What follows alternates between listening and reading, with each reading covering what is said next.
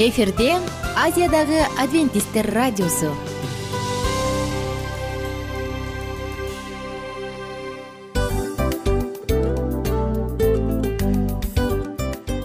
Достор салют. Баардык сүйүктүү угармандарыбызга салам айтабыз. Кутман күнүңүздөр менен. Ден соолук өмүрдүн булагы демекчи саламат саамы программасында баарыңыздарды көргөнүбүзгө абдан кубанычтабыз. Анда алгач амандашып өтөлү арбаңыздар деп. Ден соолугуңуздар кандай элибизде көбүнчө ден соолук кандай дегенде эле жакшы деп жооп беребиз э? ооруп турсак дагы жакшы дейбиз. Анан мен муну айтып ойлойт элем бул абдан сонун сөз депчи анткени бул жакшы деген үмүт да э ооба. баары жакшы болот. Баары сонун. Деп үмүттөнүп атып эле өзүбүздү өзүбүз дарылап коебуз. Анысы кандай? Сиздин дагы ден соолугуңуз жакшы беш деген үмүттөбүз чындыгында ден соолук бул өмүрдүн булагы деп бекеринен айтылган эмес деп ойлойм. Кыргыз элинде анткени эгерде ден соолук жок болсо анда адамдын жашоосунда калган баардык керектүү маңыздуу нерселер өзүнүн баалуулугун жоготуп коет. Ошондуктан ден соолук бул эң керектүү нерсе. Ооба туура айтасың кесиптешим чынында ден соолугуң жок бир эки үч күн ооруп калсаң эле э кандай болуп калат? Жашоодо көз каранды болуп каласың көп нерсеге жетишпей каласың көп нерсени кыла албай каласың жада калса эшикке дүкөнгө да чыга албай каласың. Туптуура анан ден соолук болсо демек биз биздин бактыбыз тоотойт деп койсок болот. Анда достор саламат саамы рубрикабызды баштайлы. Алдыда өзүңүзгө керектүү болгон сонун кеңештерди уга аласыздар. Мына ошондуктан биз менен бирге болуңуздар. Ал эми биз болсо милан жана айнура. Кеттик алга. Алга саламат саама ден соолуктун жарчысы. Саламат саама ден соолуктун ачкычы. Күн сайын сиз үчүн мыкты кеңештер сонун жаңылыктар кызыктуу фактылар биздин рубрикада.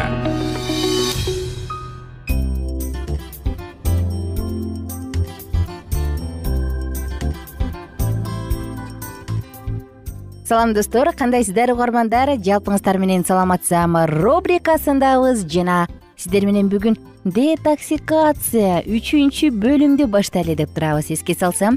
Пайдалуу суусундуктар деп аталган цикл жана бул циклда биз ден соолугубузга керектүү болгон сонун маалыматтар суусундуктар смози ширелердин сонун сонун сонун рецепттери менен бөлүшүп жаткан чагыбыз. Мына ошондуктан бүгүнкү уктуруу дагы сиздер үчүн биздер үчүн жана албетте жалпыбыз үчүн детоксикация детоксикация жөнүндө бир аз алгач кыскача болсо дагы маалымат бере кете турган болсок бул эмне? Баарыбызга белгилүү болгондой детокс же детоксикация бул тазалануу. Организмди уулуу заттардан тазалоо дегенди билдирет. Эгерде идеалдуу түрдө боло турган болсо бул үч күнгө созулушу керек. Кээде болсо жумасына бир жолу детоксикация кылып туруу жарайт. Жаз жана жай мезгилдеринде э өзгөчө организмди тазалоо үчүн эң эле оңтойлуу учурлардын бири эмеспи. Андыктан биз сиздерге ар кандай жашылча мөмөлөрдөн жасалган түркүн түстүү детокс салаттардын тизмесин беребиз. Детоксикация бул ууларды четтетүү дегенди билдирет. Жана биз айта турган кеңештерди эске алып өзүңүздүн ден соолугуңузга кам көрүп арыктап дагы сулууланып дагы биз менен бирге болсоңуздар болот. Анда достор эң эле организмди туура жакшы тазалоонун бир жолу жана эң эле мыкты дарылануу бул детоксикация. Детоксикация дагы бир жолу айткандай эле организмден ууларды кетирүү дал ушул уулардын организмде чогулушу менен бирге бизде өнөкөт оорулар пайда болот. Азыркы учурда цивилизациябызда азыркы учурдун оорулары пайда болот. Жана ошондой эле анын катарында рак оорусу дагы бар. Ошондуктан ар бир биздин дарылануубуз туура детоксикациядан башталганы тышкары жакшы анткени ошону менен бирге эле биз пайдалуу суусундуктарды сунуштап жатабыз. Жана бул ушул суусундуктардын жардамы менен детоксикациянын программасын туура түзүп алсаңыз болот. Албетте детоксикациянын ар кандай варианттары бар. Анан ар бири өзүнүн ден соолугуна жараша ыңгайлуусун тандап алганы жакшы. Эң эле кеңири таркалган практика бул үч күнгө созулат. Бирок колдон келсе жумасына бир жолу дагы жасап коюп турса болот. Ошондой эле достор андан тышкары детоксикациянын башка дагы ыкмалары башка дагы жолдору бар. Алар детоксикациянын эле программасына кирет бирок аны толуктап турат. Мисалы бул гидротерапия. Гидротерапиянын жардамы менен организмден биз уулуу заттарды тезирээк чыгара алабыз. Эми детоксикациянын негизи кандай болушу керек? Келиңиздер ушул жөнүндө сөз кылалы. Катуу азыктар жөнүндө сөз кыла турган болсок детоксикация учурунда детокстун эң эле негизги бөлүгүн суюктуктар суусундуктар түзүшү керек. Бул баягы сенин кандай конкреттүү ооруң бар эмне кылгың келип турат ошонун баардыгын бир сыйра карап туруп анан конкреттүү детоксикация кылып программаны түзөбүз. Андан тышкары достор кээ бир адамдар баягы жалаң эле суюктукту иче албай калат эмеспи? Мындай учурларда биз дарылануунун эффективдүүлүгүн төмөндөтүп албаш үчүн тамак ашыбызга кандайдыр бир азыктарды дагы кошобуз катуу азык түлүктөрдү кошобуз. Булар кайсылар анда сөз кылалы. Эң эле биринчи салаттар. Салаттар жалаң гана чийки мөмө жемиштерди жашылчаларды камтышы керек. Бул кызыл кызылча таттуу перец спаржа буларды биз бир аз бышырып алып туруп колдонобуз. Ушулардан тышкары калгандары чийки болуш керек. Андан кийин салатты лимон зыгыр майы менен сөзсүз түрдө баягы үстүнө куйганда ушундай майларды коюш керек. Жана колдон келсе деңиз тузун колдонгон жакшы. Кийинки кезекте грек жана башка жаңгактардын түрлөрү. Алардын курамында укмусонун май кислоталары белоктор бар. Алар алмаштырылгыс ошондуктан адамга күчтүү күч кубат бере алат жана кургак мөмө жемиштер кургатылган мөмө жемиш сухофрукты деп коет эмеспизби кургатылган мөмө жемиштер бул мүмкүн инжир кургатылган мейиз өрүк кактын түрлөрү финики болушу мүмкүн. Айтор толтура э? Мына дал булар дагы энергия берет жана анын курамында клетчатка көп. Нан! Биз үчүн көпчүлүгүбүз үчүн э, бир олуттуу суроолордун бири болгон нан. Нанды дагы жегенде дескриндештирилген же болбосо эки жолу бышкан нан болгону жакшы. Мындай учурда нан жакшы бышат анан кийин кадимки бир эле жолу биз бышырып жеген нанга караганда бир топ жакшы. Сухариктерди көп колдонобуз э мына бул туура. Тофу. Тофу дагы белоктун мыкты булагы. Ошондой эле сулуу үлпүлдөгү овсяные хлопья деп коет эмеспизби? Сулуу үлпүлдөгү булар адамды азыктандырат абдан жеңил сиңимдүү жана соя сүтүнө бышырып алып жесеңиз муну дагы детокстун программасына кошуп койсо болот. Картөшкө картошка. Сууда бышкан жана зыгыр майы менен бир аз үстүнөн куюлган картошка жакшы. Жумуртка. Колдон келишинче тоголок бойдон бышырылган жумуртканы колдонуу туура болуп саналат. Мына ушундай достор. Бүгүн сиздер менен бирге детоксикация деп аталган чоң үчүнчү главаны баштап атабыз алдыда биз уулар жөнүндө токсиндер жөнүндө сонун маалыматтарды айтып беребиз.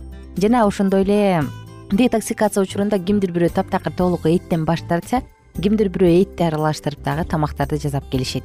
Эң башкысы бул учур чын эле биздин ден соолугубузга пайда алып келип уулардан тазалай турган болгону жакшы.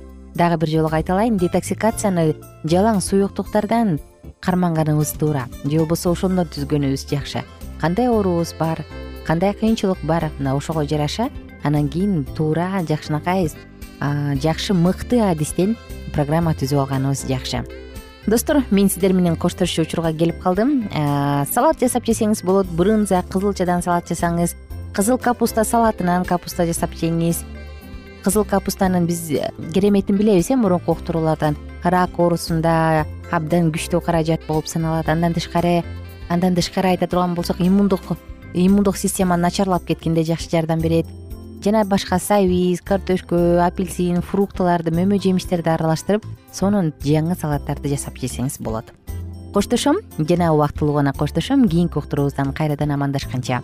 Достор ден соолук тууралуу кененирээк билгиңиз келеби? Анда саламат чекит клуб сайтына кириңиз дагы бизден сонун кеңештерди угуңуздар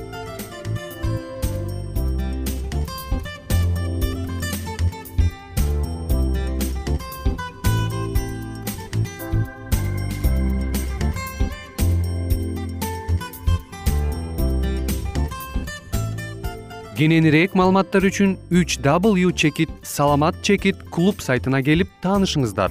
Жана андан тышкары социалдык тармактарда youtube facebook жана instagram баракчаларына катталыңыз.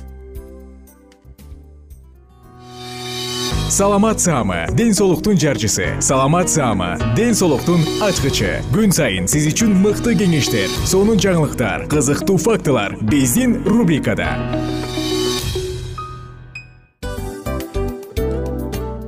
салам достор. Кайрадан биздин сүйүктүү рубрикабызга кош келиңиздер деп айтмакчыбыз.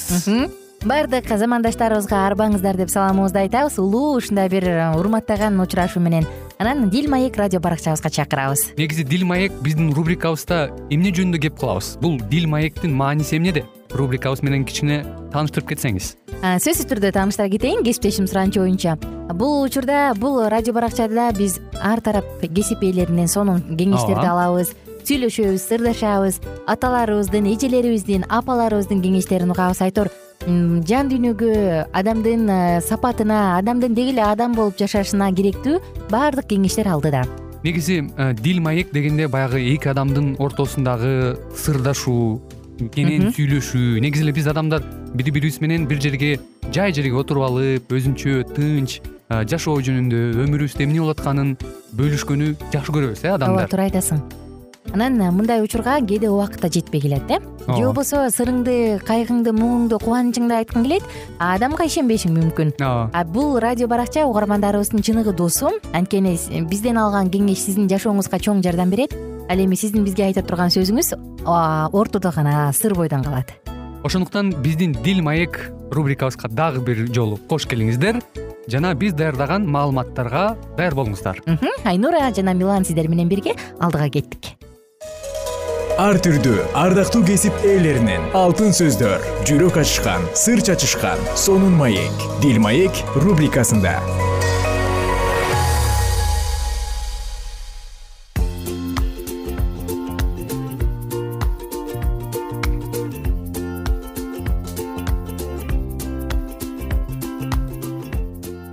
Салам достор. Салам угармандар.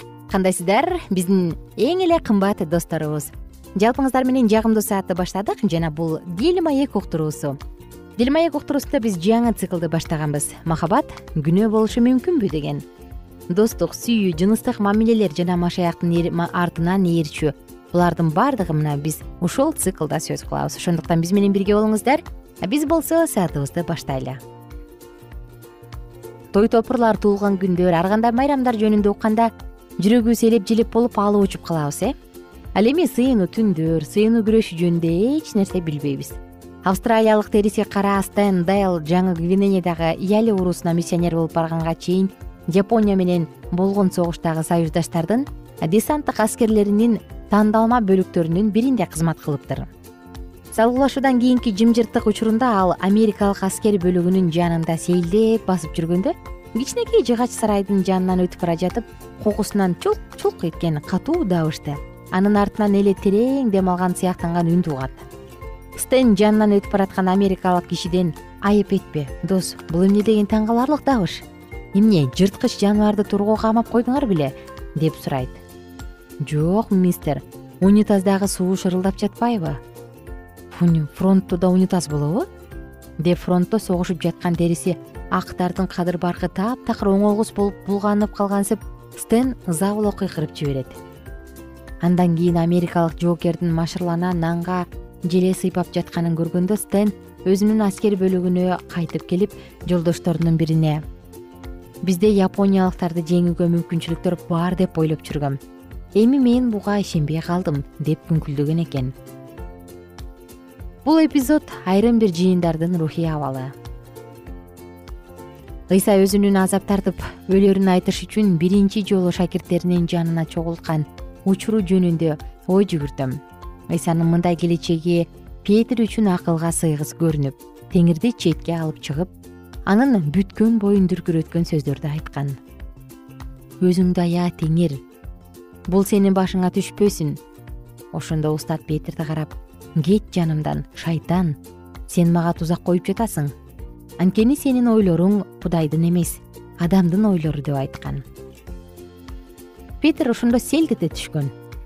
Анан теңирибиз ыйса шакирттерине эң маанилүү сөздөрдү айткан. Ким мени ээрчигиси келсе ал өзүнөн баш тартсын жана өз айкаш жыгачын алып менин артымдан ээрчисин жаккан он эки жыйырма беште теңир мындай дейт. Ким өз жанын сүйсө ал андан түбөлүккө ажырайт. Ал эми ким бул дүйнөдө өз жанын жек көрсө аны түбөлүк өмүр үчүн сактап калат өзүңдү сүйүү жөнүндө айтылган насаат машаякчылар тарабынан эч кандай каршылыксыз кабыл алынып калгандыгын өзү эле руханий жактан төмөндөп кеткендикти ачык айкын көрсөтүп турбайбы? Анткени өзүңдү аябастык жана өзүңдү сүйүү деген эки түшүнүктөн өткөн карама каршы түшүнүк жок эмеспи. Жыныстык мамилелердин жашоодогу орду биринчи бул дүйнөдөгү орду бул дүйнөдө бүгүнкү күндө жыныстык мамилелерди көпчүлүк учурда жыныстык инстинкт талап кылган канаагаттануу деп түшүндүрүшөрүн майдалап түшүндүрүп отуруунун кереги жок деп ойлойм. Бул мамилелерди адамдын жашоодогу өтө зарыл керектөөлөрүнүн катарына кошушат. Эгерде жыныстык инстинкт тиешелүү түрдө канааттанбаса адамда ар кандай комплекстер невроздор жана агрессивдүү абалдар пайда болот деген пикир кеңири тараган мындай ырастоолор өтө жаман кесепеттерге дуушар кыла турган жалган ырастоолор экендигин жашоо небак эле далилдеп койгон. Ажырашуулардын психиканын бузулуусунун жыныстык катнаштын бузулушунун жана зордуктоонун саны акыркы жылдары кескин түрдө өсүп кеткендиги жыныстык төңкөрүш адамдарды эркин кылбай эле алдап кулга айландырып алгандыгынын далили болуп эсептелет. Жорж хантаман уятсыздардын көтөрүлүшү деген китебинде келемиштерге анга чыгуу аттуу пьесанын премьерасын сүрөттөп жазат бул пьеса бир миң тогуз жүз жетимиш биринчи жылы венадагы элдик театрда коюлган. Сахнада таштанды төгүлгөн жер ортодо эски автомобиль. Анын капоту ачык турат. Талкаланбай бүтүн калган фаралары көрүүчүлөргө багытталган. Ушул декорациялардын фонунда бир аял менен бир эркек кокусунан жолугушуп калышат ал эркектин хоббиси келемиш атуу ал экөө буга чейин эч качан бири бирин көрбөсө да бири биринин аттарын билишпесе да бензин куюлчу желектин үстүндө жыныстык каттан катнаш кылышат. Аягында сахнада мылтык көтөргөн эки киши пайда болуп экөөнү тең атып салат. Эки киши келемиш таштанды жаткан жерде өлөт. Бул пьеса азыркы замандын адамынын айласыз үмүтсүз абалын көрсөткөн укмуштуудай күбөлөндүрүү. Бул дүйнө таштанды үйүлгөн жерге окшош. Ичиндегиси желденгенден желгенден кийин бош банкалары гана калгандай бул дүйнөдө баардыгын көрүп сынап байкап көргөндөн кийин умтула турган эч кандай максат калбай калат. Бар болгону жыныстык кумар анда сүйүүгө орун жок муп-муздак өзүмчүл инстинкт гана өзүнүн канааттануу укугун талап кылат. Кыска убакытка созулган сезимдердин учкучунан кийин баардыгы мурдагыдан да жаман кыйраган абалга келип бир гана нерсе зордук зомбулук жана өлүм калат. Бул темабыз абдан чоң ушундай бир талаш тартыш талаш тартыш жарата турган дискуссия жарата турган темалардын бири кийинки уктуруубузда жыныстык катнаштын жашоодогу башка ордулары же башка адамдардын жашоосундагы орду жөнүндө сөз кылабыз. Ага чейин достор сиздерди биздин уктуруубузга кайрадан чакырабыз. Бул бир гана адамды дене гана байланыштырып калган учурда албетте катастрофа же хаос башталат. Эмне себептен бул мамиле аял эркектин жубайлардын ортосунда болуш керек дейбиз? Мына бул тууралуу дагы кийинки уктурууда сөз кылабыз. Ага чейин достор сиздер менен убактылуу коштошом баарыңыздарга кааларым. Көңүлдүү күн бүгүнкү күнүңүздөр сонун маанайда улана берсин. Биз менен бирге болуңуздар. Кайрадан амандашканча сак саламатта туруңуздар. Жана достор кааларым бүгүнкү күнүңүз жеңиштүү жемиштүү күндөрдөн болсун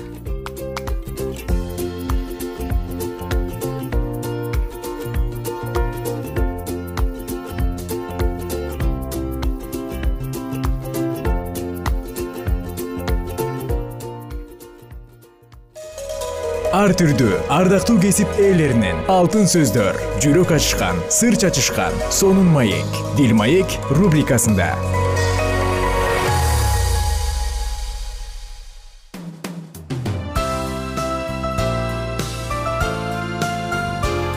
Эфирде азиядагы адвентисттер радиосу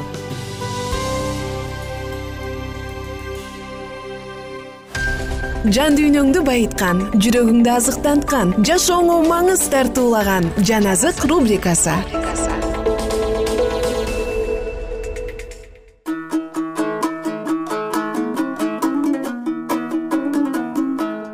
Арыбаңыздар кадырлуу замандаштар сүйүктүү достор жалпыңыздар менен жагымдуу саатыбызды баштадык. Жана бул жан азык рубрикасы сиздер менен достор жаназык рубрикасында маанилүү жана керектүү болгон темалардын биринин үстүнөн сөз кылабыз. Тагыраагы жан дүйнөбүздү азыктандырып сиздер менен бирге баарлашабыз сүйлөшөбүз.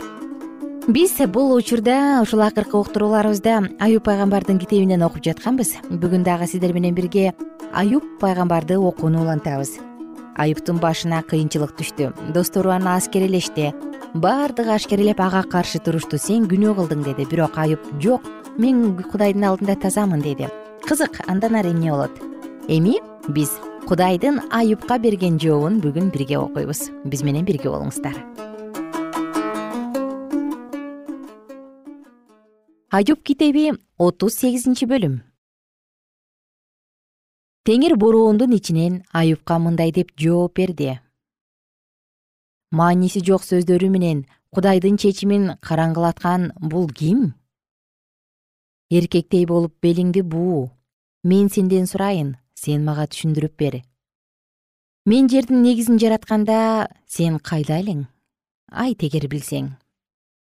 Анын көлөмүн ким чектеди? Айт эгер билсең. Аны ким жеп менен ченеп чыкты? Анын негизи эмненин үстүнө орнотулган? Же болбосо анын бурчка коюлуучу ташын ким койгон таңкы жылдыздардын кубанычтуу ырынын коштоосунда кудайдын бардык уулдары кубанычтан кыйкырып турганда сен кайда элең?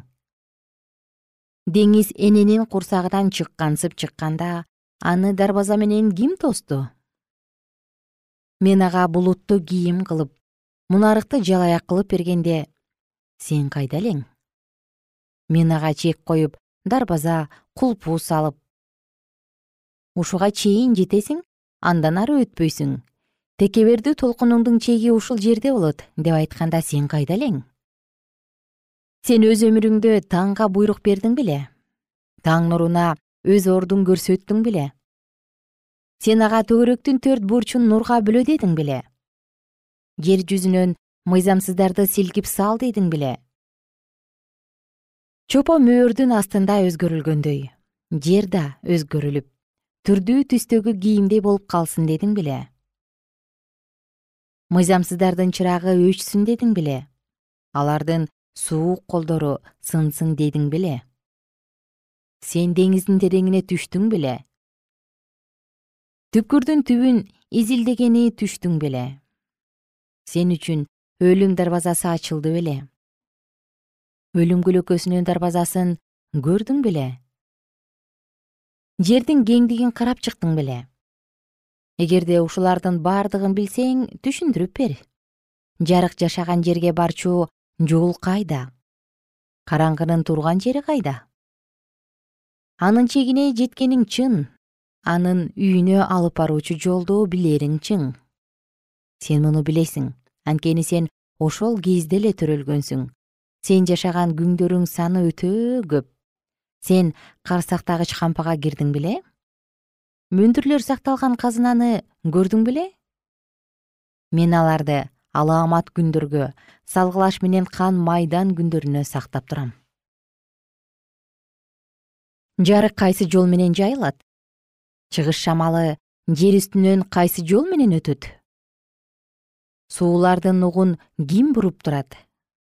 Чартылдаган чагылгандын жолун ким салып турат эл жашабаган жерлерге. Адам жашабаган эрмей чөлдөргө ким жамгыр жаадырып жатат? Чөлдөр менен талаалардын суусунун ким кандырып жатат? Ким чөптөрдүн тамырын жибитип өскөнгө түрткү берип жатат? Жамгырдын атасы барбы? Же шүйдүрүмдүн тамчыларын ким жаратып жатат? Муз кимдин курсагынан чыгат? Асман бубагын ким жаратып жатат? Суулар таштай болуп катат. Түпсүздүктүн үстү тоңот. Сен ким топ жылдызынын түйүнүн байлай аласыңбы? Кесил топ жылдызынын түйүнүн чече аласыңбы? Топ жылдызды өз маалында чыгара аласыңбы? Ашты балдары менен алып жүрүп аласыңбы? Асмандын мыйзамдарын билесиңби? Жер жүзүнө анын бийлигин орното аласыңбы суу мол болуп сени капташ үчүн булуттарга үнүңдү көтөрө аласыңбы? Чагылгандарды жибере аласыңбы? Алар сага келип биз мына деп айтышмак беле? Жүрөккө акылмандыкты ким салды? Же болбосо акылга маанини ким берди? Ким өз акылы менен булуттарды санап чыга алат? Ким асман идиштериндеги сууларды токтото алат? Топурак чылага айланып чоң кесектер бири бирине жабышып жатканда аларды ким токтото алат? Ургаачы арстандын тамагын сен таап берип жатасыңбы? Арстандын балдарын сен тойгузуп жатасыңбы? Алар чээнде жатканда же көлөкөлүү буктурмада жем аңдып отурганда тамагын сен камдап берип жатасыңбы? Балапандары тамак таппай каңгып кудайга кайрылып чыйпылдап жатканда каргалардын жемин ким даярдап берип жатат? Сен аскалардагы жапайы эчкилердин тууй турган маалын билесиңби маралдардын тууп жатканын көрдүң беле? Алардын боозуган ай күнүн эсептей аласыңбы алардын тууй турган маалын билесиңби алар балдарын тууп өз жүрөктөрүн ыргытып жатышканда ийилишет алардын балдары күчкө кирип талаада чоңоюп бөлүнүп кетишет аларга кайрылып келишпейт.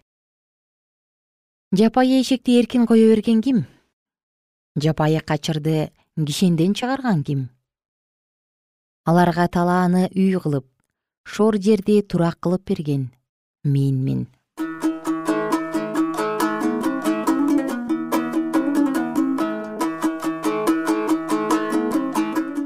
Караңыздарчы достор бүгүн сиздер менен эң кызык эң укмуштуу жоопторду уктук. Кудайдын жообу керемет анан карап отуруп анын кереметине ого бетер таң бересиң достор биз кийинки уктуруубузда муну мындан ары улантабыз. Ошондуктан жалпыңыздар менен кайрадан саламдашканча аман туруңуздар бар болуңуздар. Кайрадан достор амандашканча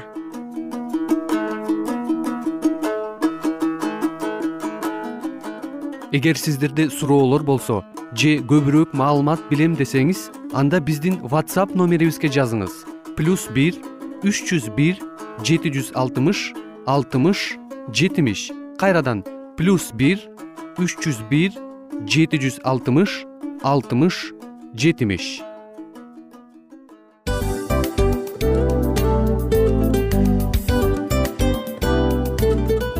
мына ушинтип убакыт дагы тез өтүп кетет экен. Биз дагы радио уктуруубуздун аягына келип жеттик келип кубандырдыңар эми кетип кубандыргыла деп тамашалап калышат эмеспи? Анысы кандай? Радио баракчабызды программабызды азыр эле баштап аткандай болдук элек. Мына соңуна келдик э? Негизи убакыт э, билинбей өтүп кетет экен? Мен дагы э, убакыт дегенде бүгүн бир адам менен сүйлөшүп калдым. Анан убакыт бул мүмкүнчүлүк деп айтып өзүмө өзүм айтып алып анан мага өзүмө эле кайра ачылыш болду да чын эле э Э, карап отурсаң ошол эле жыйырма төрт саат ошол эле жарым саат кайталанып атат. Бирок сендеги мүмкүнчүлүк жок ошол кой берилип кетти? Анысы кандай? Бүгүнкү сонун убактыңызды алтындай болгон жарым саатыңызды бизге бөлүп арнаганыңыз үчүн ыраазычылык айтабыз. Анан жашооңуздун кайсы бир сферасын өзгөртө турган сонун пайдалуу кеңеш алган болсоңуз анда биз максатыбызга жеттик. Анан ушул нерсени кылбасам десеңиз ошол өзгөрүүлөрдү кичинекей кадамдардан баштап иш жүзүнө ашырыңыз дагы жашооңузда чоң чоң ийгиликтерге жетиңиздер чын жүрөктөн ар бир берилген кеңештер сөздөр сиздерге пайдасын алып келет деп ишенебиз жана кийинки уктурууларда сөзсүз түрдө чыдамсыздык менен сиздерди күтөбүз. Сагынычтуу салам айтып кайрадан дал ушул жыштыктан баардыгыңыздарды тосуп алганча. Кызматта мен айнура жана кесиптешим милан. Анда кол булгалайбыз жалпыңыздарга ийгиликтүү күн.